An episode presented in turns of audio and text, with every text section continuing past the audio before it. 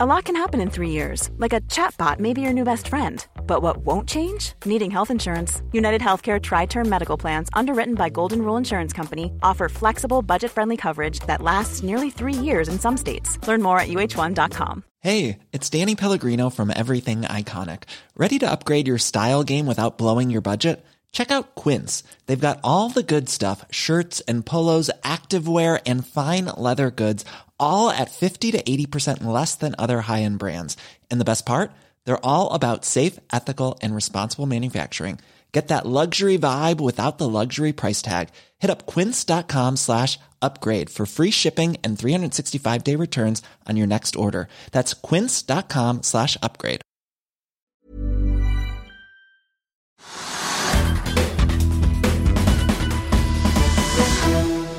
Da skal vi over til en av børsens ja, får vi si, nykommere som har slitt litt uh, på Euronext Growth, rett og slett fordi at uh, forventningene kanskje var litt høye.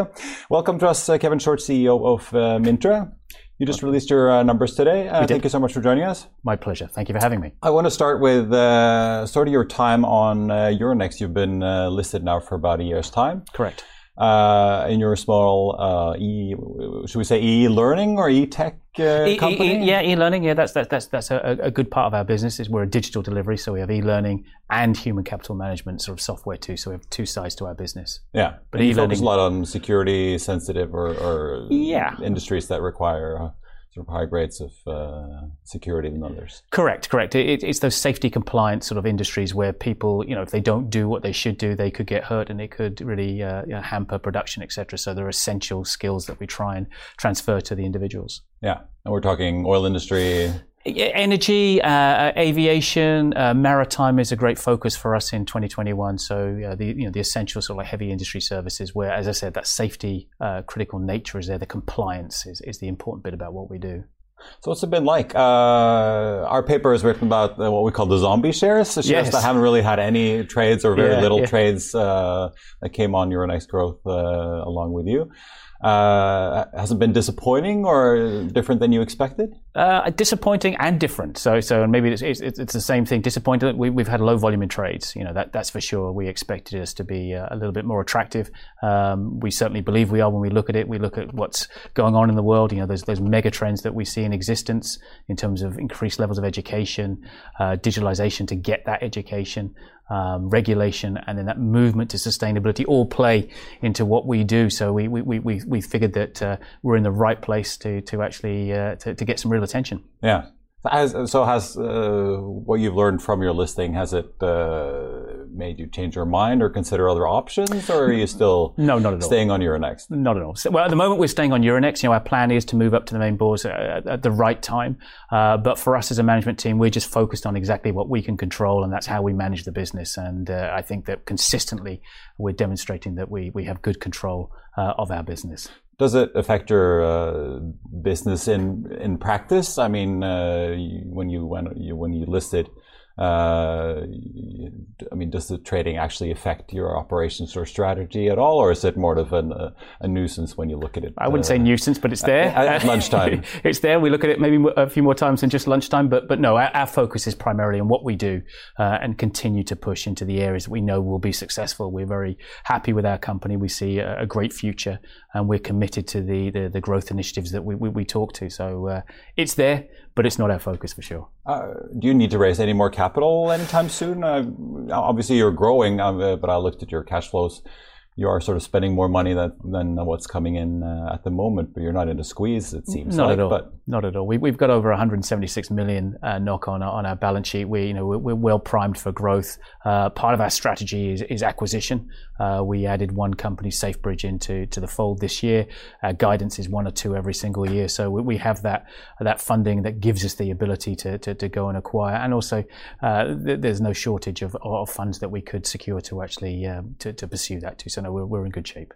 So we have to talk about uh, the uh, release you came out with in October, which uh, Yeah. scared the market. It seemed like because your share tanked uh, almost thirty percent that day and, and about twenty percent the following day. Yeah. Uh, you came out with your full report today. Mhm.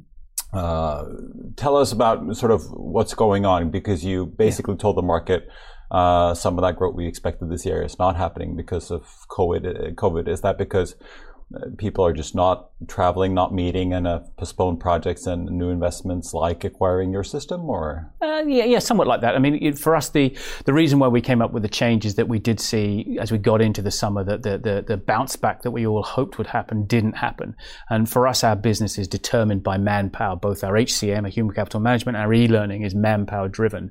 Uh, so we need people at work uh, to actually consume our products, and and there was that kind of kickback in terms of the COVID. It prolonged the, the, the slower rollout of the, of the vaccine, uh, stopped people going back to work as quickly as we had assumed. So for us, it was a delay. Uh, rather than we lost anything. Uh, and we're already seeing, as we look at quarter four, uh, we're seeing kind of like little seeds of, of, optimism as people are returning. And, and you know, our, our, Q3 results demonstrate for us that, you know, that we are a very stable company with good uh, revenue development and good EBITDA. How, how, long would you say the postponement is? Is that half a year, a quarter? Uh, difficult to say. Difficult to say. One thing for interest for us is that you know you can see the oil price that's going up, and then we that's a really good indicator for our business as that that goes up. That gives confidence to our customers to go after those new products, as you suggested. So that we usually lag anywhere between three three and six months behind that. So that's a good uh, indicator for us. But you know we do need to see some kind of rotations in some of the crews. You know you, you see some of the headlines where some crews have been stuck on on vessels for for, for 12 months months. So as that starts to, to, to, to relax and release, then we'll see that uh, we'll get more opportunity in the market.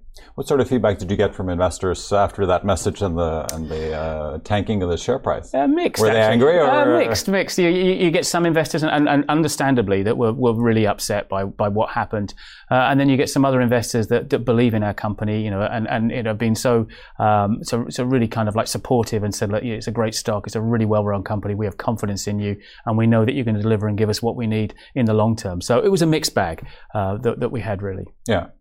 Uh, lastly, I mean, if you look at your numbers now, you're from Q3 last year, you went from 49 to 57 million in, revenue. Uh, you're delivering a profit after tax uh, 7.6.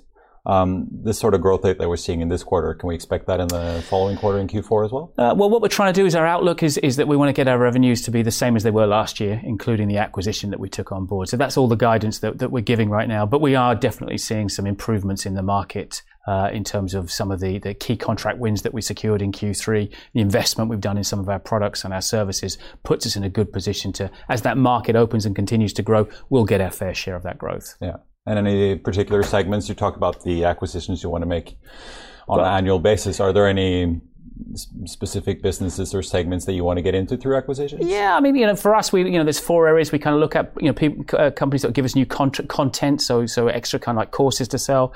Uh, we get anyone that will give us some technology, which will make our technology more immersive and therefore for make the user enjoy it more and consume more.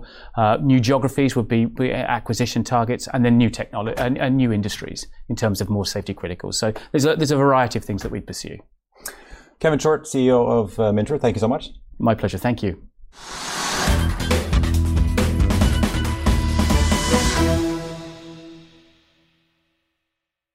Økonominyhetene er en podkast fra Finansavisen. Programledere er Marius Lorentzen, Stein Ove Haugen og Benedikte Storm Bamvik. Produsenter er Lars Brenden Skram og Bashar Johar.